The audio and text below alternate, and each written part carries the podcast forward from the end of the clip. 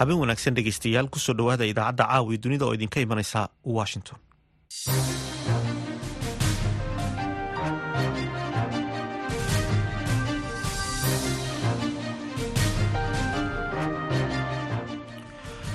waa isniin bisha januari ee sanadka cusub ee labada kun afar iyo labaatankuna waa kow. Waxa aad naga dhagaysanaysaan mawjadaha gaagaaban ee lix iyo tobanka iyo sagaal iyo tobanka mitrban iyo boggan internetka ee v o a somaly com. Saacadda afrikada bari waa toddobadii fiidnimo idaacadda caawa iyo dunidana waxaa idinla socodsiinaya anigoo ah xuseen barre aadan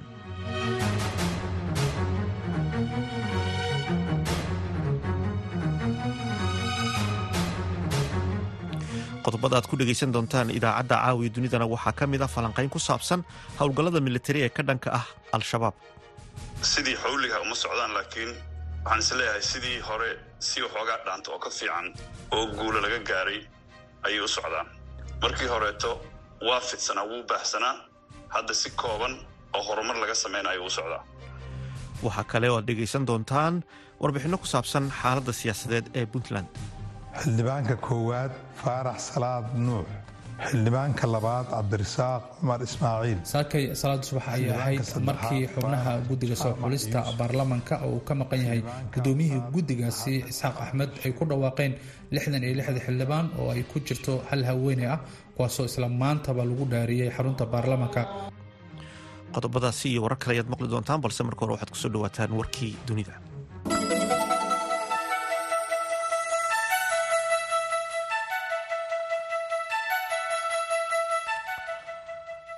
dowladda jabaan ayaa dadka ku boorisay inay ka fogaadaan xeebaha galbeedka jabaan kadib dhulgariir ba'an oo galabnimadii isniinta saacadda dalka jabaan sababay digniino waaweyn oo sunaami ah. Qiyaasta dhulgariirkan oo lagu qiyaasay toddoba dhibic lix ayaa ku dhuftay xeebta ishikawa. Wakaalada saadaasha hawada ee jabaan ayaa soo saartay digniino sunaami ah oo ku wajahan ismaamulada ishikawa nigata iyo toyama.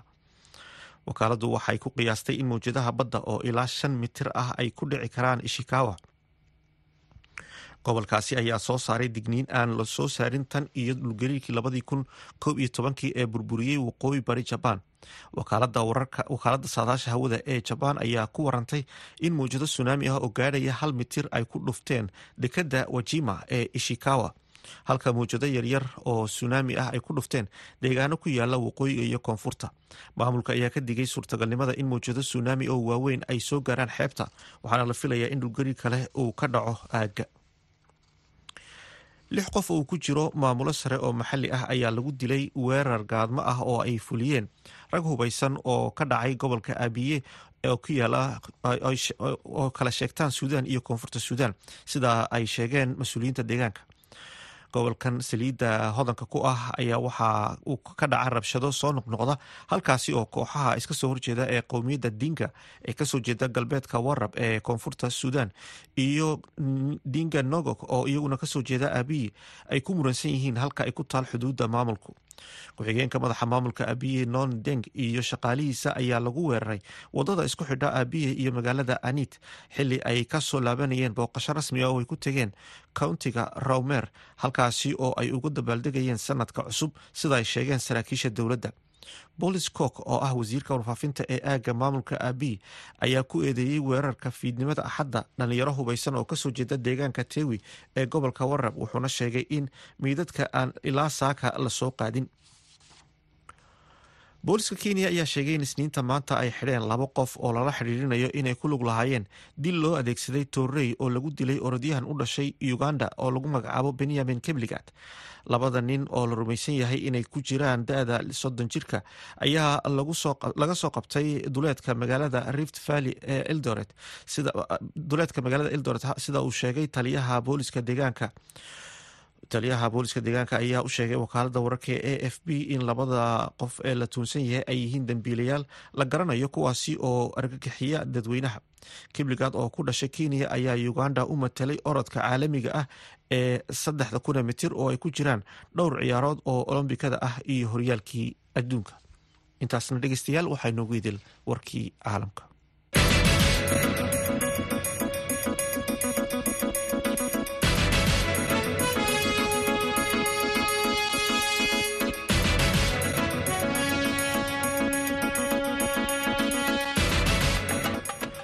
halkaad nagala socotaan waa laantaaf soomaaliga ee v o a. Dowladda soomaaliya ayaa shalay sheegtay in duqeyn ka dhacday meel u dhow degmada awdheegle lagu dilay xubno ka tirsan al-shabaab.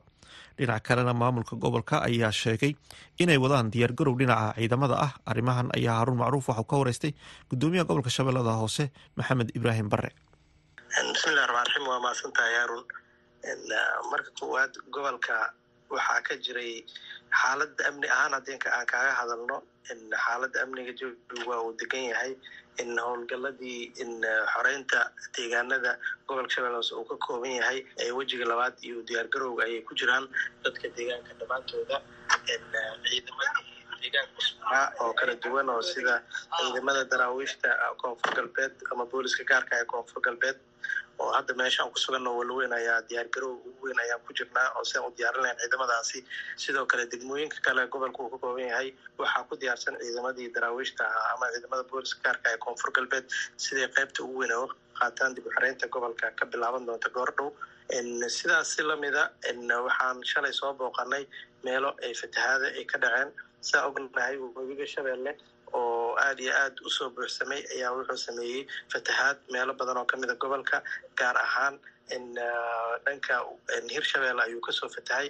Biyihii ka soo baxay webigaasi ayaa waxay soo gaareen gobolka shabeellada hoose meelo badan oo kamida laga soo bilaabo doonka ilaayo shalayto oo aan tagnay meel yirahta beelaha ilaayo meelahaasoo dhan waxaa isku waxaa ku fatahay webigii biyihiisii oo soo gaaray kuwaasi oo u sii socdaan gobolka qaybihiisa kala duwan oo haddana ilaa degmada waloweyn iyo degmada afgooye oo hadda ay marayaan sidoo kale degmada awdheegle ilaa qoryoole inay gaaraana laga yaabo kuwaasoo dhibaato badan u geystay dadkii shacabka ahaa oo magaalooyinkii iyo tuulooyinkii ay deganaayeenna biyihii ay maasheeyeen sidaasoo kale beerihii ay dalaga ku beerteenna uu ka baabi'iyey roobkii ka da'ay ama biyihii soo fatahay ee ka soo fatahay dhankaasi hirshabeelle ayaa dhibaato weyn u geystay beerihiina ku baabi'iyey waay arrintan ku saabsan diyaargarowga ciidanka aad samaynaysaan muddo ayay maamulkaas koonfur galbeed sheegayeen in laysku diyaarinayo howlgalladaas wejigii labaad ee howlgalladuna waa bilaabmay waa la shaaciyey.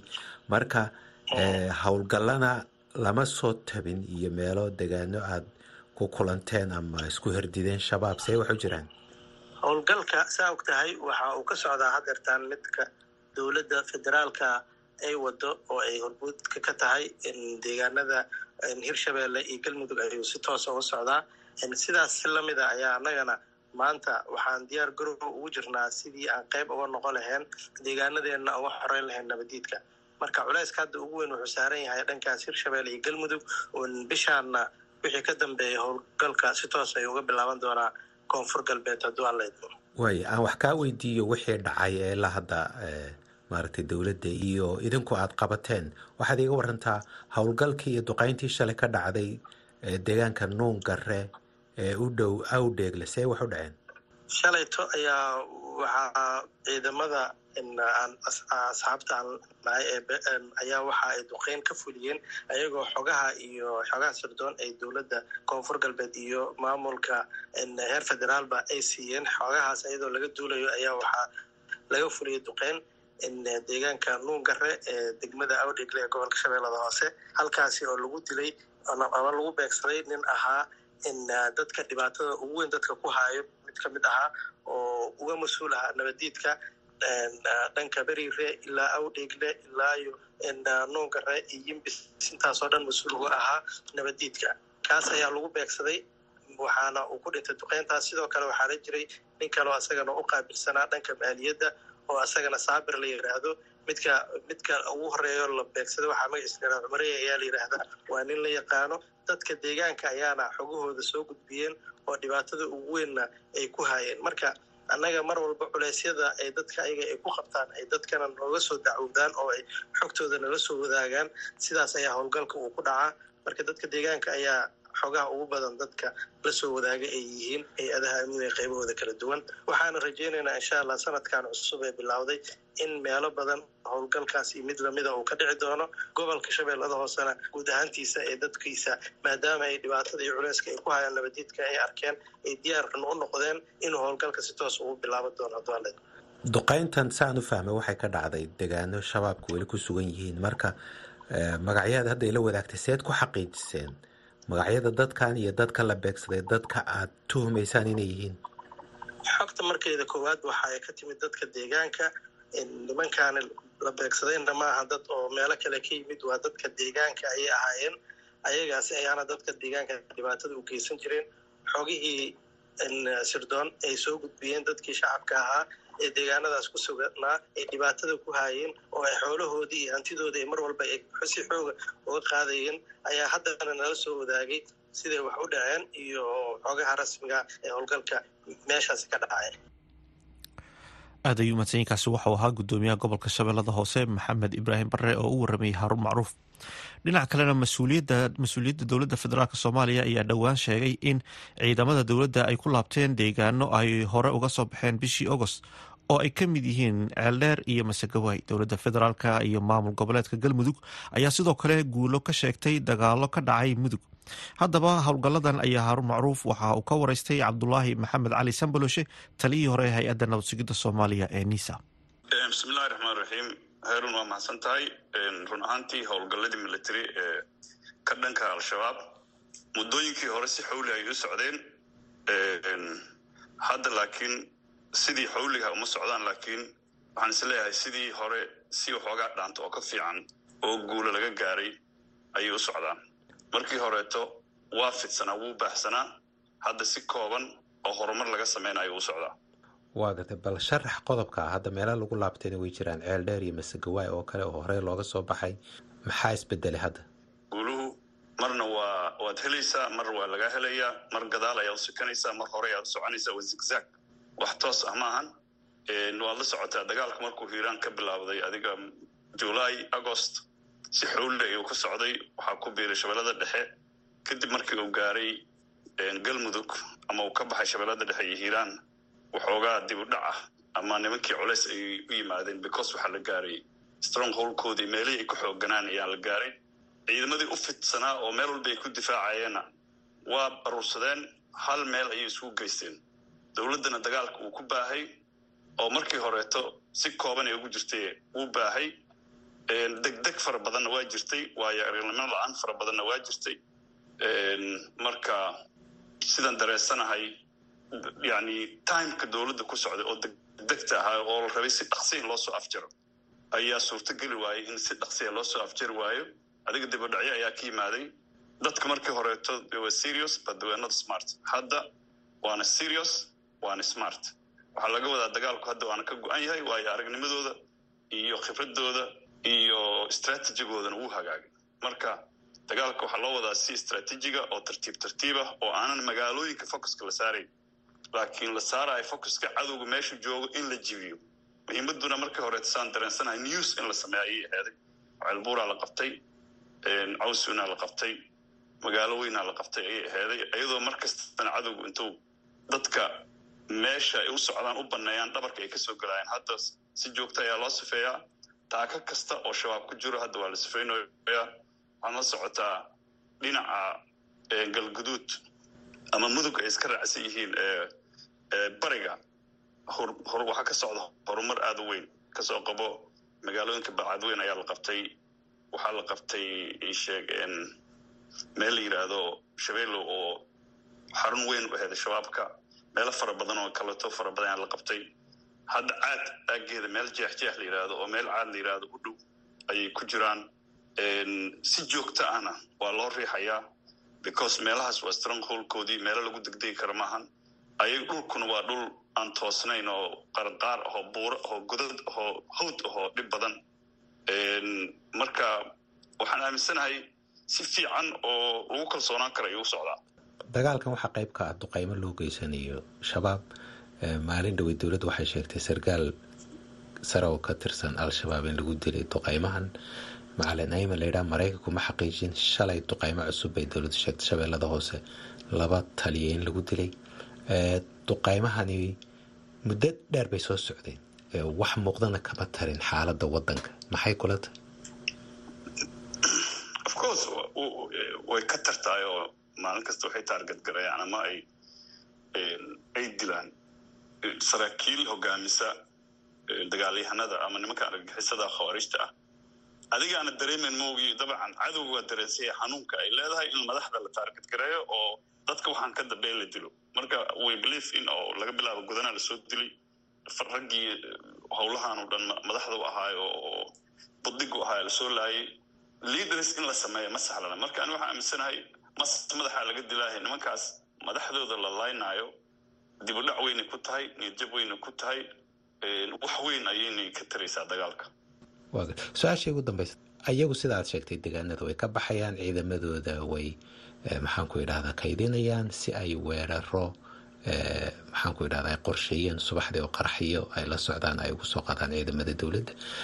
Taagtikada ay xeesha ay isticmaalayaan maxay kaga hortegaysaa hadda dowladdu? Siiba qaraxyada oo u muuqda kuwa khasaaraha ugu weyn gaarsiinaya ciidanka markii horeeto habka difaaca loo galaayo ama habka weerarka loo galaayo ama habka qalabka iyo ciidanku iskula socdaan ayaa ayaa athinkii aan isku si fiican u soconin. Laakiin hadda ko ciidanku meel fog ayuu difaac ka galayaa. Saldhigyada ciidamada meel aada uga fog ayaa difaac laga galaa hadda.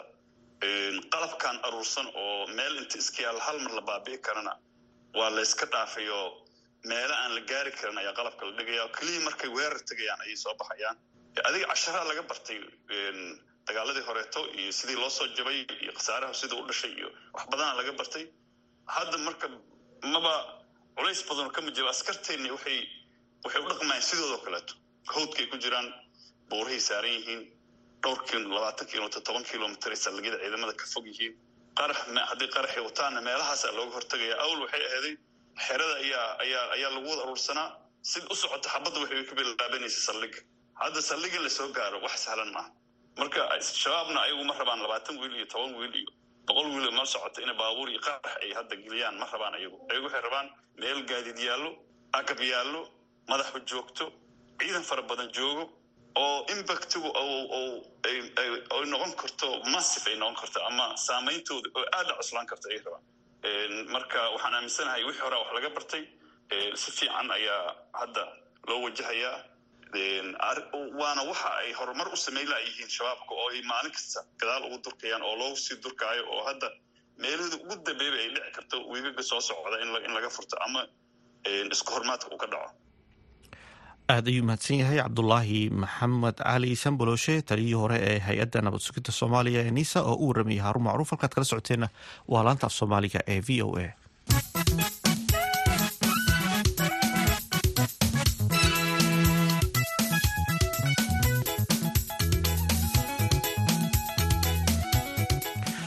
Halkaad nagala socotaan waa laanta af soomaaliga ee v o a maamul goboleedka puntland ayaa maanta dhaariyey lix iyo xildhibaan oo loogu talagalay inay soo doortaan madaxweynaha maamulka doorashada dhici doonta. Toddobaadka dambe hase yeeshee waxaa tallaabadan markiiba ka hor yimid.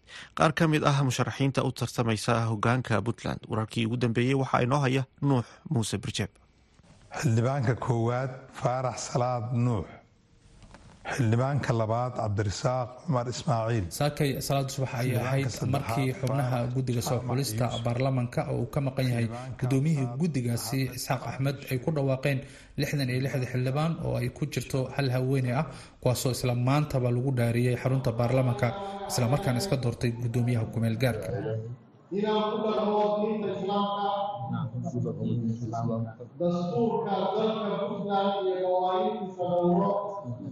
dhawaaqista xubnaha baarlamanka oo qorshuhu ahaa in la shaaciyo shalay ayaa waxaa hareeyay khilaaf guddiga dhexdiisa ah kaasoo gaarsiiyey in la soo saaro salaadii subax ee saakay toddobiiyo tobankii xildhibaan ee ka soo jeeday dhanka qaatumo ayaa lagu soo daray xubnaha baarlamanka cusub taasoo ay horay uga digeen ismada dhanka dhaqanka qaatumo iyo weliba maamulka qaatumo ee fadhigiisu yahay magaalada lascaanood musharaxiinta oo kulan deg deg ah ku yeeshay magaalada garowe ayaa ka soo horjeestay liiska xildhibaanada oo ay sheegeen inuu yahay mid been abuur ah waxayna soo jeediyeen ilaa saddex qodob kow waxay yidhahdeen musharaxiintu waxay shacabka reer puntland u cadeynayaan inaysan aqoonsanayn liis baalmarsan habraacii lagu soo xuli jiray xubnaha golaha wakiilada.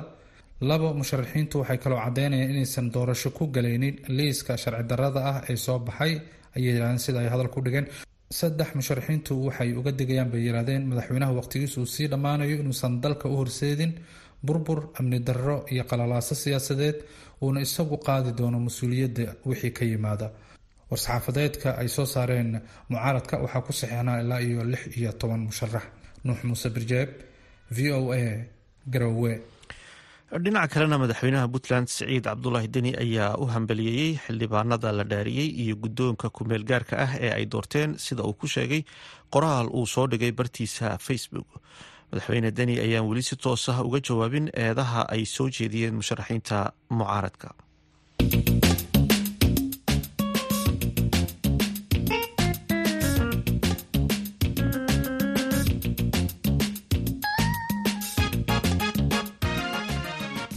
halkaad nagala socotaan waa laantaaf soomaaliga ee v o a.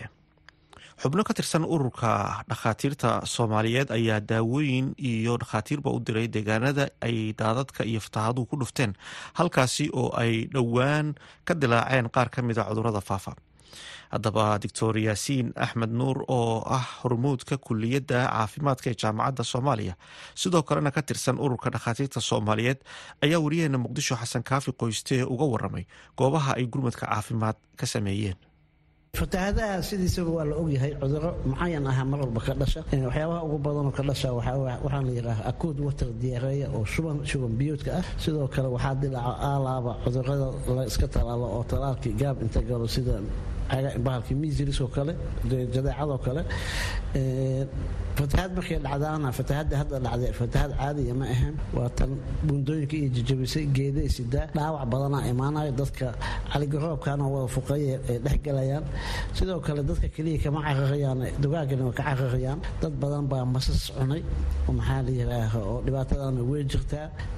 Haddee caafimaadka guud ahaan asoo ewelba iska liita markii ay waxa ay yimaadaan waa dhibaato kale. Marka dadkii gaajona waa timid dhaqla-aanna waa timid way qaawan yihiin hoy la'aan caafimaad daro waxaan isugu darsamin dadkaasi ma laha.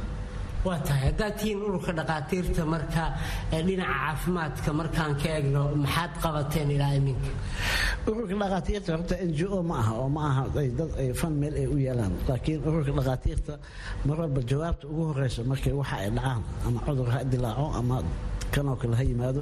Weligeen waa aadi jirna beledweyne fatahaadaha marka ay yimaadaan. Marka anaga wixii aan iska aruurin karno shaqsi ahaan iyo maxaa la yiraahaa daruur ahaan dhakhaatiir ahaan neers ahaan isbitaalada maxaa la yiraahaa brivatka iyo isbitaalada dowligaba wixii daawaha ayna siin karaan waxaasaan inta qaadno aan meesha aan geynaa waxaa kaloo aad iyo aad ururka u saacida hay'addan soomiyada la leeyahay oo ah maxaa la yiraha association oo shirkadaha daawooyinka isugu tageen.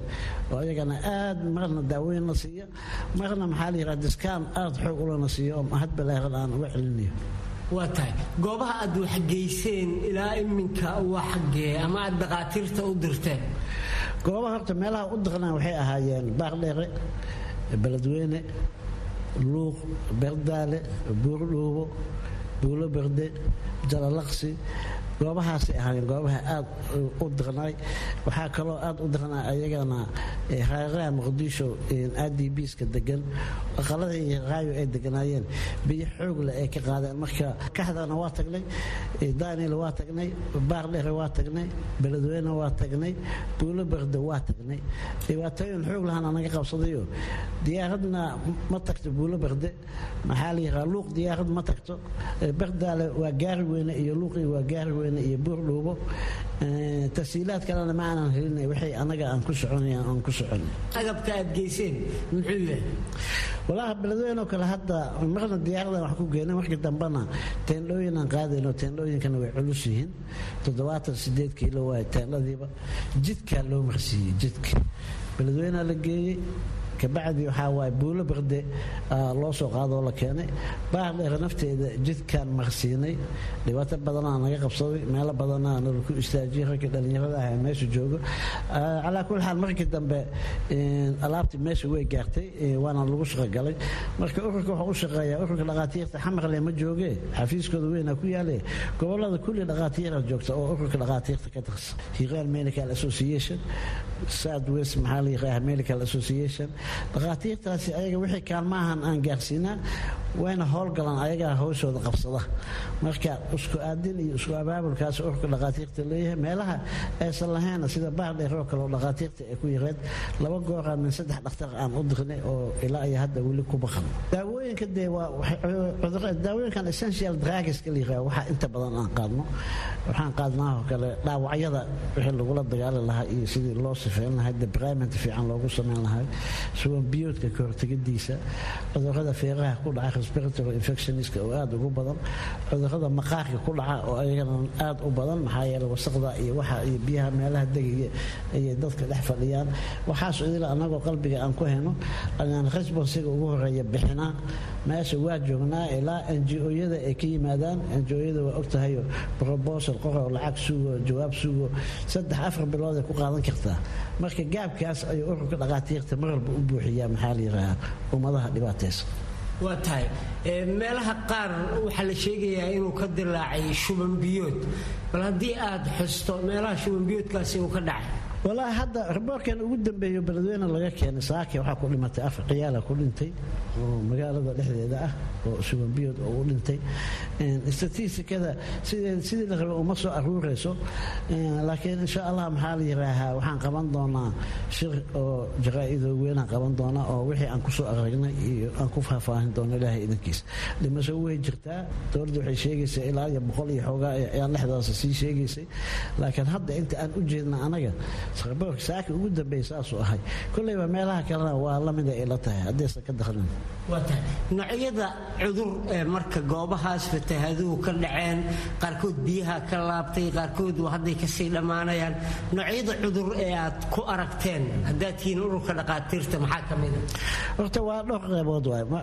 Waxaa waaye biyaha marka hore ay yimaadaan oo ay xoogga ay leeyihiin. Cuduro markaas dhalanaya waxaa dhalan karaa influensadoo kale aada u dhalan karta jadeecada aada u badanaysa akood water diyaaraya waxaan isku yiraaho kolera ayaanaan dhihin iyo rota virus iyo laakiin suwanbiyood xoog leh. Suwanbiyoodka waa ogtahayo waxaa waa cunuga hadduu aada u fuqbaxo afar saacadood shan saacadood gudaheed haddaadan filaboyn iyo aadan la gaarin cunuga waa wadan karaa. Cudurada maqaarka aada u xoog badan dhaawacyada aada u xoog badan.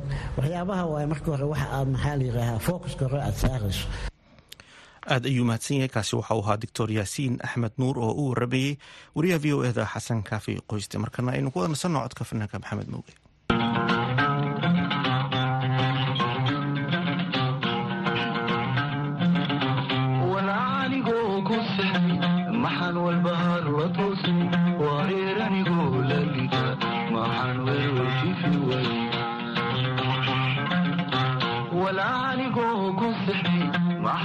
walbahaar la toosi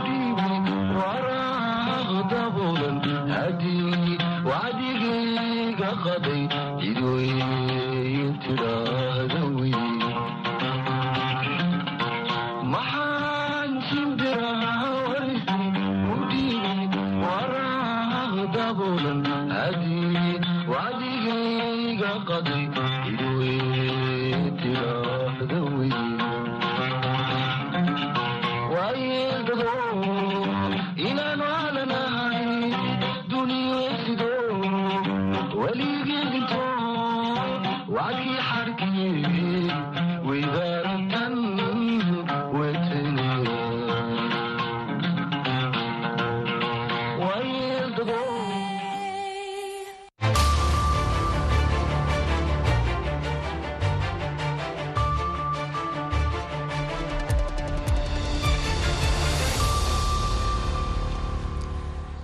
fiid wanaagsan dhegaystayaal ku soo dhowaada barnaamijka caweyska dhadhaab kaasoo idinkaga imaanaya. Lahaanta afka soomaaliga ee v o a reediyoga xeryaha dhadhaab barnaamijka toddobaad walba waxaad ku dhagaysataan labada mawduuc ay ugu hadalheynta badan yihiin bulshooyinka ku nool xeryaha qaxootiga iyadoo dhegaystayaasheena dhadhaab iyo deegaanada ku xiran ay si toosan uga dhagaysan karaan idaacadda f m-ka v o eda dhadhaab ee ka soo gasha muwjada f m-ka hal eber lix dhibac todoba megahartis barnaamijkeena caawa qodobada aad ku maqli doontaanna waxaa ka mid noqon doonaa kumanaan qoys oo ka mid ahaa qaxootigii ka soo barakacay abaaraha ku dhuftay soomaaliya oo ku sugan xeryaha dhadhaab ayaa dalbaday in loo dhiso iskuullo ay wax ku bartaan caruurtooda si ay uga faa'iidaystaan fursadaha waxbarasho ee ka jira gudaha xeryaha.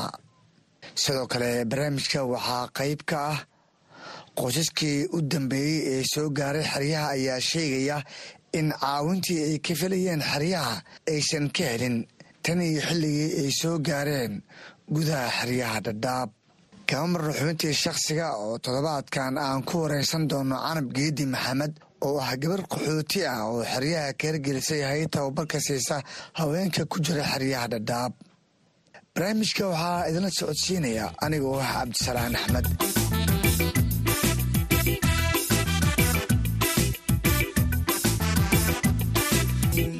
xeryaha dhadhaab ee dalka kenya sanadihii tagay waxaa soo gaarayay kumanaan qoys oo badankood ka soo barakacay deegaano kala duwan oo ku yaalla koonfurta soomaaliya kuwaas oo isugu jira xoolodhaqato beeraley iyo tuulo joog. Dhammaantood dhibanayaal u noqday abaarahaasi.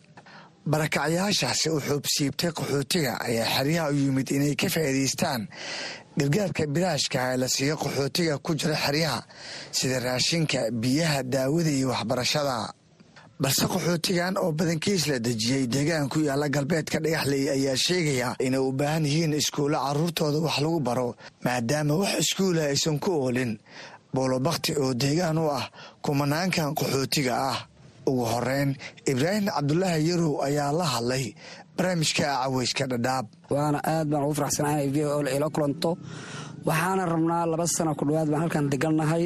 Alxamdulilahi rabbilcaalamiin aad baan u soo qoxnay dhib abaartii baan ka imaanay dhul fiican baan hadda degnay nabadgelyaan helnay laakiinse waxaa naga maqan waxbarashada xaggeeda caruurtii waxbarasho nooma haystaan waa baahi aan u qabno cidaan maaragtay kala hadalna ama cid maaragtay aan u marno waddo ma haysano kaarkii wixii waan iska qadqaadanaa wixii rajakuurada waa iska qaadana alxamdulilaah taa dhib kuma qabno laakiin waxbarashadii baa muhiimadda ah. As-aasiga awl waa waxbarasho. Waxbarasho ma haysano caruurtiina dhib baan ku qabnaa guryadii dad bay isdilaayeen dad bay rafaadinayaan meel bay aadayeen lag bay ku dhaceen baalaleeye war bay galeen iyagaa isdaqre way isjebiyeen kubad bay galeen wax unbaa la waa tahay goobtan aad degan tihiin ee qaxootiga ballaaran oo degan yahay. Goob waxbarasho oo hay'adaha ay taageeraan ma ka dhisan tahay? Maya kuma dhisna msf keliya waxa ay nooga soo dhistay meeshan xag isbitaalada iyo tubo hahelboosto iyo tubo biyo yar aan ku cabno iyo in yaroo badanoo suuli oo masqulooyin aan saxrada u galno. Wax kaloo hay'ad kaloo noo soo istaagtay oo maantana oran karto waxaa ka jira na soo caawisay marmar saf children. Marmar noo imaatayo joodarigo iyo waxbay nasa siisa iyadana wax kale maana arag waa tahay. Adi ahaan imse carruur ah oo dabcan gaarta da-da iskuulka ayaa ku jooga xaafadda oo u baahan inay waxbarasho helaan? Waxaa joogto saddex baa joogto saddexda gabarta gabadha waaba u baqayaaba meel fog kilomitr iyo bar laba kilomitr oo kale. Kuwa kaloo ragga aadaybaa dhowr iyo toban jeer ka badan dhexda loo galoo lagu dilay. Ilmuhuna waa ilmo wixiina ma garanayo ninka dilay. Marka dee iskuulkii iyo buugii iyo dharkii muxuu tiray haddii qofkii naftii uu halig yahay oo dilmaayo aanan la arki karin oon la ogaan karin muxuu tirayaaba. Maadaama hadda aan laba sana saas nagu soo dhaaftay aan muddo aan ku tahminaynay inay carruurta wax noo bartaan lacag la'aan aanna marka horena ku faraxsaneen kenya aad baa wax looga baranaa nala yiri haddana aan maaragtay qaarkoodna aan la kulanoon aragnay. Waxbarashadooda heerkay gaarsiisan tahay laakiin annaga barwaaqadaas annagoo ku tahminayna lama soo gaarin. Waxaan leenahay hadda iyo wixii ka dambeeya hadalka maanta v o na soo gaartay qaabka aan wax ku baran lahayna owlaadda hooyadii weeye iyaduna ay wax noogu qaban lahayd xagga bahda waxbarashada. Taasa ayaa anigu ku talin lahaa weliba meelaha fogfog intay carruurta naga hadleed beer wax dhalay baan nahay in naloo soo dhoweeye sidii helebooskaba hadda naloogu soo dhoweeye oo kale macalimiin iyo wax oo kumeel gaara ama teendha ha noqoto oo carruurtii wax naloogu bara ayaan aad aad u jeclaan lahayn. Sanadka cusub saasaan leenahay. Ilaahay iidankii tacaala inay na soo gaaraanoo na caawiyaanna waa aan ka felaynaa insha allahu tacaala. Aad baa u mahadsan yahay. Kaasan wuxuu ahaa ibraahim cabdulaahi yarow oo noogu waramay gudaha xeryaha dhadhaab ee gobolka waqooyi bari.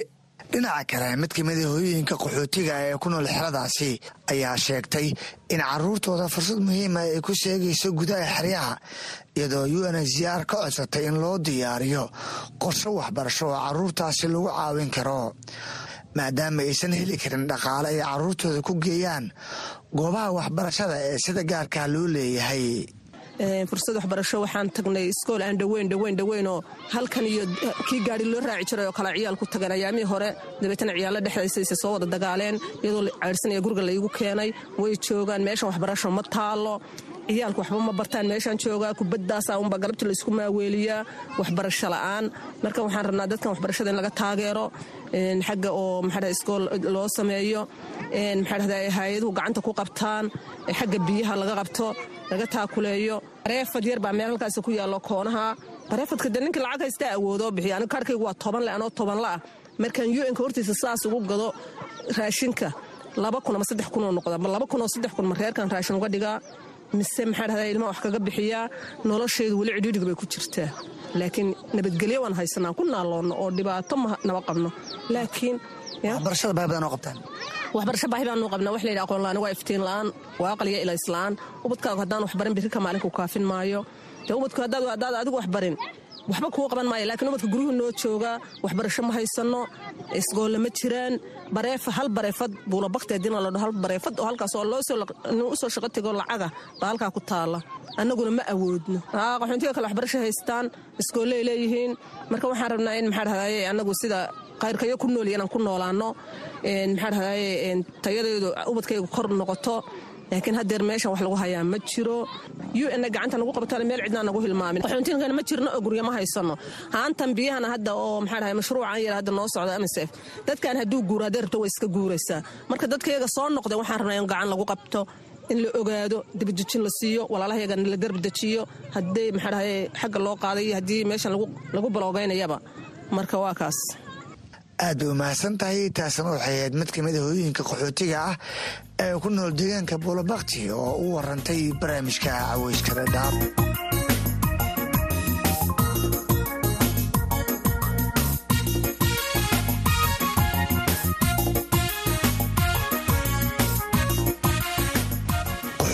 cabanaya waxbarasho la'aanta waxaa qayb ka ah qaxooti xeryaha soo gaaray laba kun kooyo toban kuwaas oo laba jeer lagu geedigeliyey gudaha xeryaha dhadhaab. Isaaq guliya faarax oo ka mida qaxootigaasi ayaa barnaamijka caweysa uga waramay caqabadaha waxbarasho ay ku nool yihiin qaxootigaasi. Cabdisalaam waan ku dhowahay waad mahadsan tahay. Waxaa shishiliidar ahay key key waa qaxootigii mataqaana laga soo celiyey ifutu labada kun toban iyo sideedii haddana ku sugan duleedka mataqaanaa dhagaxley key waxaa weeye daad i weydiisay waxbarashada. Annagu iskuulna looma dhisin sidaan oga nimid ifotu iskuulladii hore ee mataqaanaa qaxootigii hore. Baan mataqaanaa laacaynay ilmaha annagu ay laacayeen. Shantaraale iyo haddii alla yidhahdo eleys iyo meelahaasaa noogu dhawaada iskuul aan annagu aadno carruurtayda ay aaddo intii toban jir ka yar ilaa toban jir wixii ka hoosayso carruurtannada waxaa weye dhexday ka baxeen. Waxay noqdeen carruuraha mataqaana goroommada taagan eh oo mataqaana muqaadaraadka aad iyo aad hadda oola qabsaday. Sababto a waxbarasho la'aan iyo iskuul la'aan. Intaana waan ka hadlaynay wax hadda iskuul noo dhiso oo hay'ada hadmaana arag. Muddo hadda shan sano ka badan xataa ummaddii dib ka timid ee abaaraha keeneen iyo annagu hadda isku mid baan ka naha wax waxbarasho wixii la dhihi jiray marka aad iyo aad baa naloo iloobay markii aan xagga waxbarashada aan fiiriyo ama aan ka hadlo. Marka waxaan u baahannahay waxbarasho in naloo sameeyo iskuullo caruurahaas mataqaanaa wax lagu baro oo lagu xakameeyo waxyeeladooda lagu xakameeyo. Yaan u baahnay waa tahay. Laba jeer ayaa laidiin geedigeliyay gudaha xeryaha. Dabcan laba kun koo iyo toban ifato ayaa laidiin raray. Toddoba sano kadib halkii aad ka guurtaan idinku soo celiyey. Goobana waxbarasho ma laha bal ka waran cabsida aad ka qabto mustaqbalka jiilashan qaxootiga ah ee haatan ku nool xeryaha. Cabsida aan ka qaba waxay tahay waaban kuu sheegay toban jir wixiiba ka hooseeyo. Inaynan waxbarasho aynan lahayn ama galaas ama iskuul ay dhigtaan hadda aynan gaari karin waan kuu sheegay. Marka jiilkii hadda mataqaana wax la bari lahaana waa arintaa hadda da'da aan kuu sheegay wey jiilkii hadda wax la bari lahaa ee waxbarashada ku habboonaa haddii haddee mataqaana aan iskuul loo hayin oo mataqaana ay banaanada iyo maaragtay iyo muqaadaraad iyo wax walbaba haddee banaanada ay u istaagaan oo wax kaloo hadda mataqaana lagu xakameeyo kalena aysan jirin meeshana xere qaxooti ay tahay aad iyo aad baan oga walwalsanahay in meesha ayada dhibaato ka imaato markaan saa ku leeyahay waxay xaq u leeyihiin waxbarasho lacag la'aana sida macnaha biyaha iyo raashinka iyo wax walbaba loo siiyey in ayagana ay u helaan waxbarasho lacag la'aana. Marka hadda mataqaana markaa xaafadihii dhex galnay oo waxbarasho bal fiiri oo dhallinyaradii mataqaana iskuullada hore ugaga baxday bal wax u sameeya dhallinyaradan oo maaragtay bal wax hadda aad iyo aad ugu filan baahida hadda haysa dadka. Waxbarasho la'aanta wax ku filan ma aha. Maxaa codsanaysaan waxaan codsanaynaa in waxbarasho yacni naloo yagleelo oo naloo sameeyo iskuullo carruurta ay wax ku bartaan oo birimidho ah. Waxaa weeye birimid hadda markii la dhaho waxaa noogu sokeeya shantraale iyo ilays baa noogu sokeeya. Haddii hadda mataqaana buulabakti ama keyd laga dhiso laba iskuul oo mataqaana birimid ah aad iyo aad baa mataqaana ay wax weyn u noqon lahayd. Dadkii hadda geedi ma ah waa dad degay. Marka in loo sameeyo iskuulladaas lagama maarmaan wey. Shikshinkey awal dadkii laga keenay ifatuu waxau ahaa saddex iyo toban baloog buu ahaa. Hadda laakiin dadkii barakacayaalka soomaaliya ka imaadeen waxaa weeye mataqaanaa lix degmo camal baana dul fadhidaa oo intaas waxbarashana ayaga laftooda aanba haysaninba kow iyo labaatanka ilaa saddex iyo labaatanka intaasay fadhiyaan baan ku leey saddex sano iyo gogo dadka fadhiya cilmihiisana waxbarasho aan haysan waxaan codsanayaa in waxbarasho naloo yagleelo oo naloo dhiso iskuullo maadaama sanad cusub aan gelayno. In ay u n c r ay arrintaa ayada ka fiirsato oo iskuullo noo dhisto aad iyo aad baan mataqaana ayaan ugu baahnaan lahayn. Aad buu u mahadsan yahay kaasan wuxuu ahaa isaaq guliye faarax oo ah gudoomiye waaxeed ku nool deegaanka buulabakti oo u warramay barnaamijka caweyska dhadhaab oo si toosa idinkaga imaanaya. La'aanta afka soomaaliga ee v o a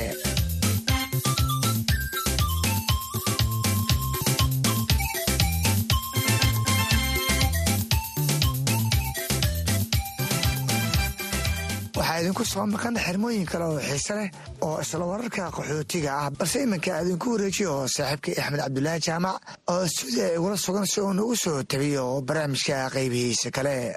Dhegaystayaal waxaad nagala socotaan barnaamijka caweyska dhadhaab oo aad ka dhagaysanaysaan laanta afka soomaaliga ee idaacadda v o a. Waxaana uu barnaamijku si toos idinkaga imanayaa xeryaha dhadhaab ee gobolka waqooyi bari ee kenya. Kusoo dhowaada warbixinno kale oo la xiriira nolosha dadka ku nool xeryaha qaxootiga oo qayb ka ah barnaamijka caweyska dhadhaab ee toddobaadkan. Waxaa ka mid a qodobada aad ku maqli doontaan xubintii shaqsiga oo toddobaadkan ay marti noogu tahay canab geedi maxamed oo ah gabadh xeryaha qaxootiga ka hirgelisay hay'ad haweenka siisa tababaro ku saabsan tacadiyada ka dhanka ah haweenka. Waxaad kale oo maqli doontaan dadkii ugu dambeeyey ee ku biiray xeryaha qaxootiga oo sheegaya inaanay xeryaha ka helin caawimaadii ay ka filayeen iyaga oo sidoo kalena sheegay inaanay hadda u qorshaysnayn inay dib ugu laabtaan dalkoodii.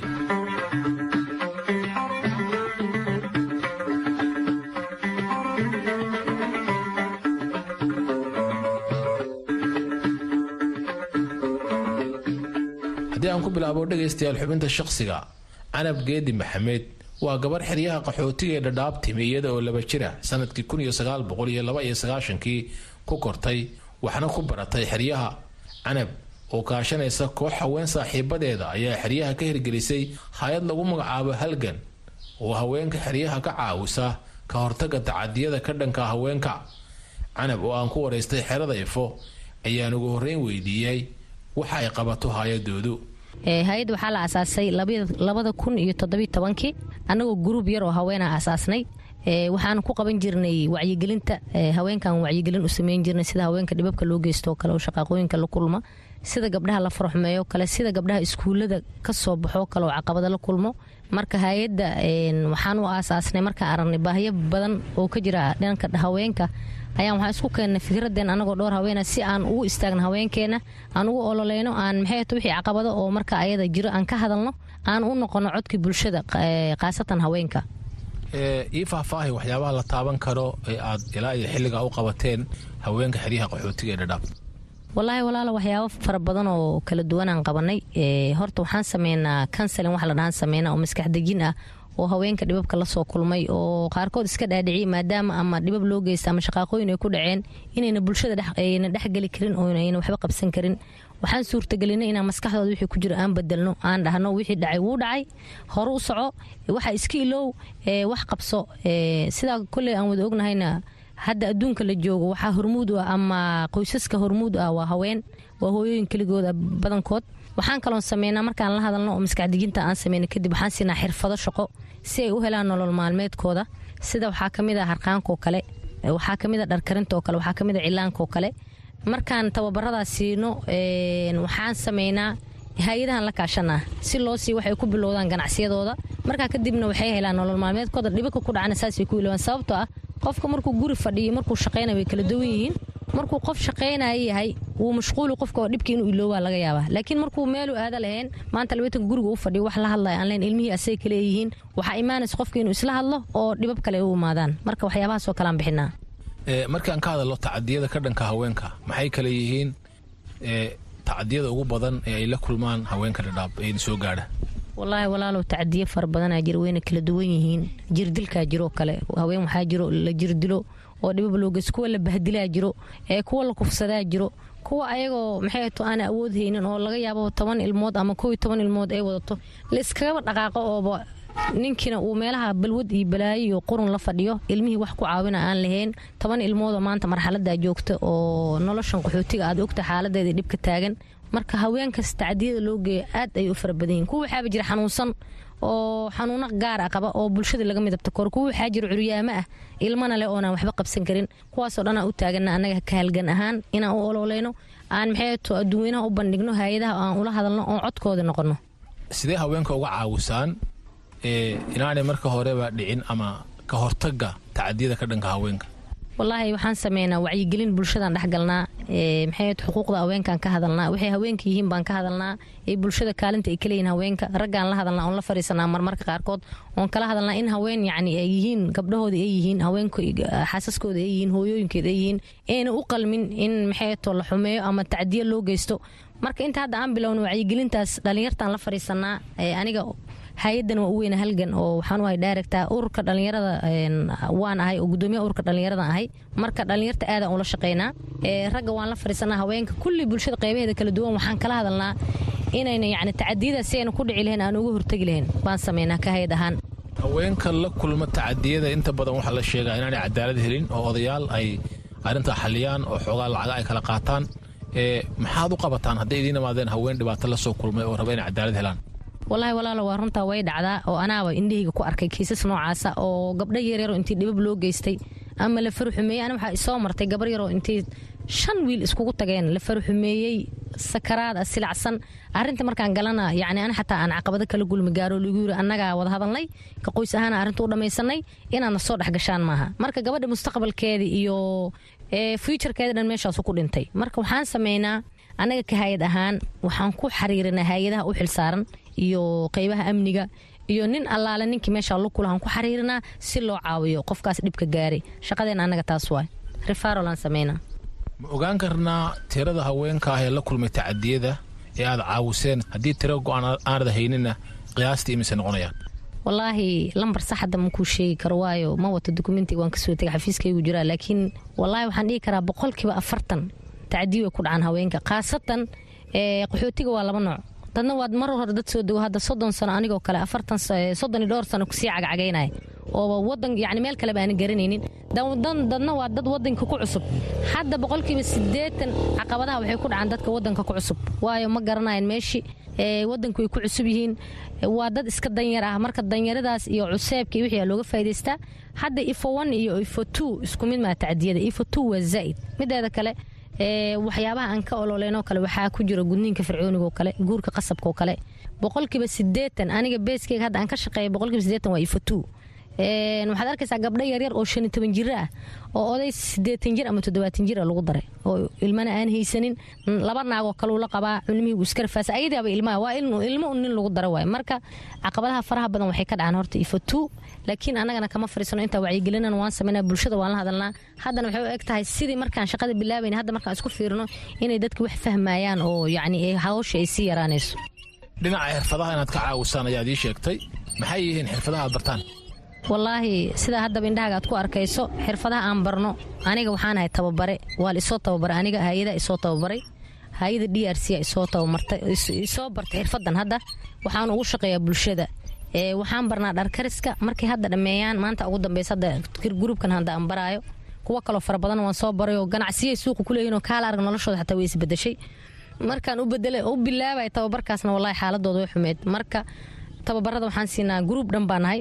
Qaar waxay baraan cilaanka qaar waxay baraan harqaanka oo gabdha ah. Qaarna waxay baraan dharkarinta ani hadda khaasatan dharkarintan xirfadaas aan aqaanaa.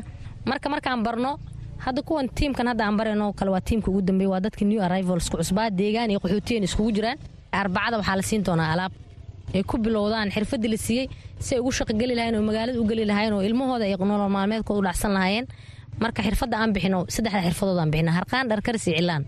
Taasi waxay ahayd canab geedi maxamed aasaasaha iyo agaasimaha hay'adda halgan oo marti iigu ahayd xubinta shaqsiga oo qayb ka ah barnaamijka caweyska dhadhaab ee toddobaadkan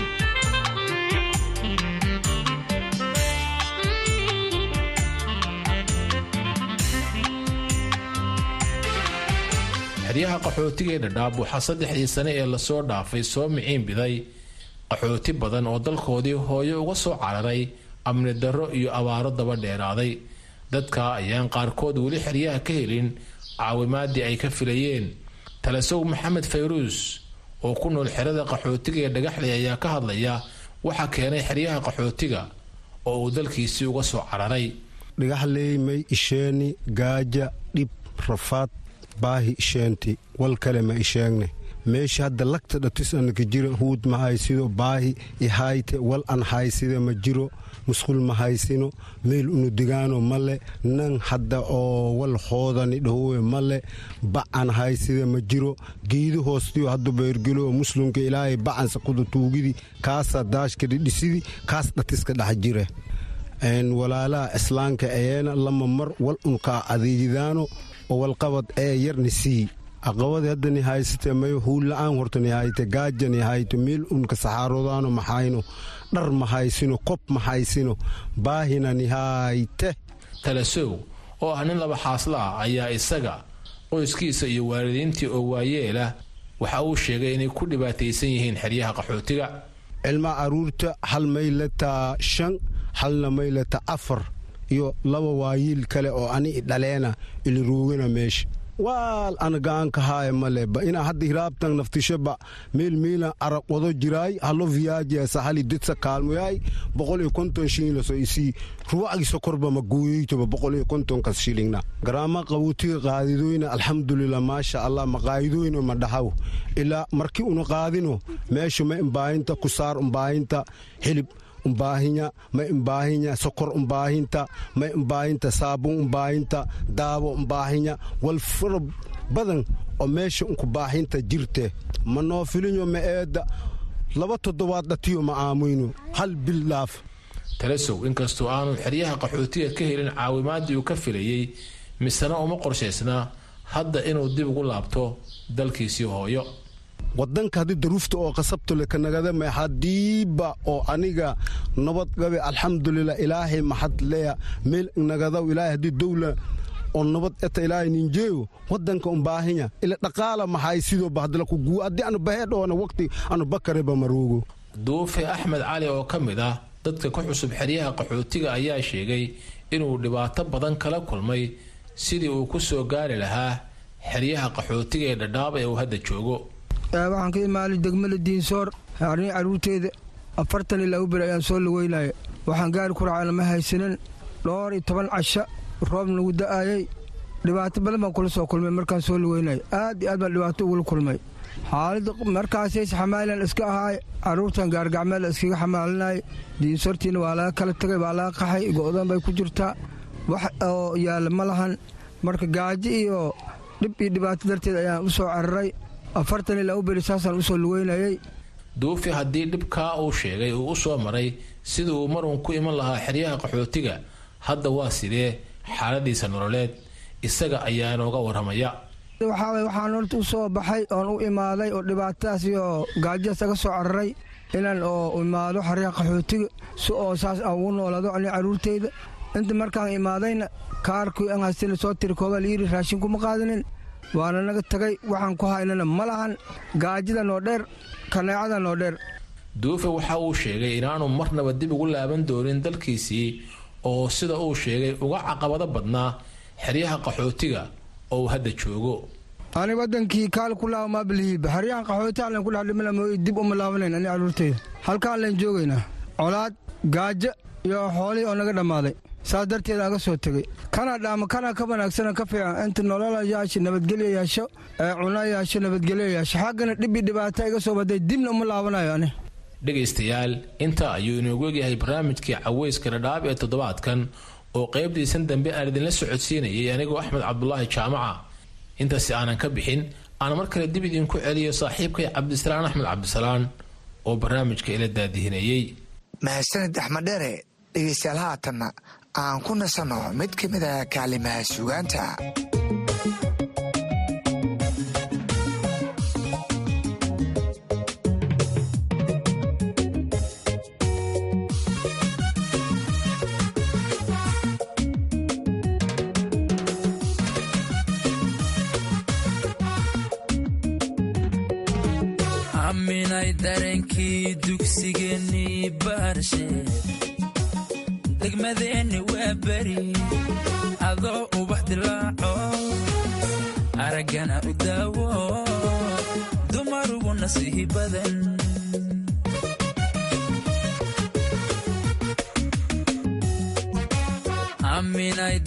dareenkii dugsigeennii baarshe degmadeenni waa beri adoo ubax dilaaco araggana u daawo. Dumar ugu nasiihi badan. Guud ahaan dhegeystayaal barnaamijka caweyska toddobaadkan halkaas ayaan ku soo afmeerayaa. Barnaamijka waxaa idiin soo tebinayay. Anigu waa cabdisalaan salas iyo saaxiibkay axmed daare tan iyo toddobaadka dambe intaa dib u kulmi doono waxaan idinku dhaafaynaa ammaana alla.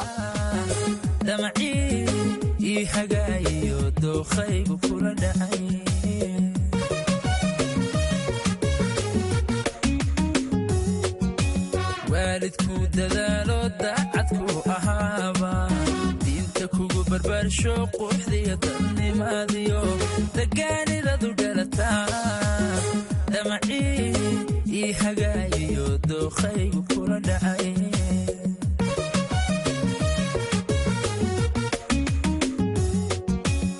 Hadalaan dadayo dibnahaygu diide inaan dibadda keenana degdegu ma fiicne dib hay xishada yidhi aminaa dareemiye dadku yay ogaan kale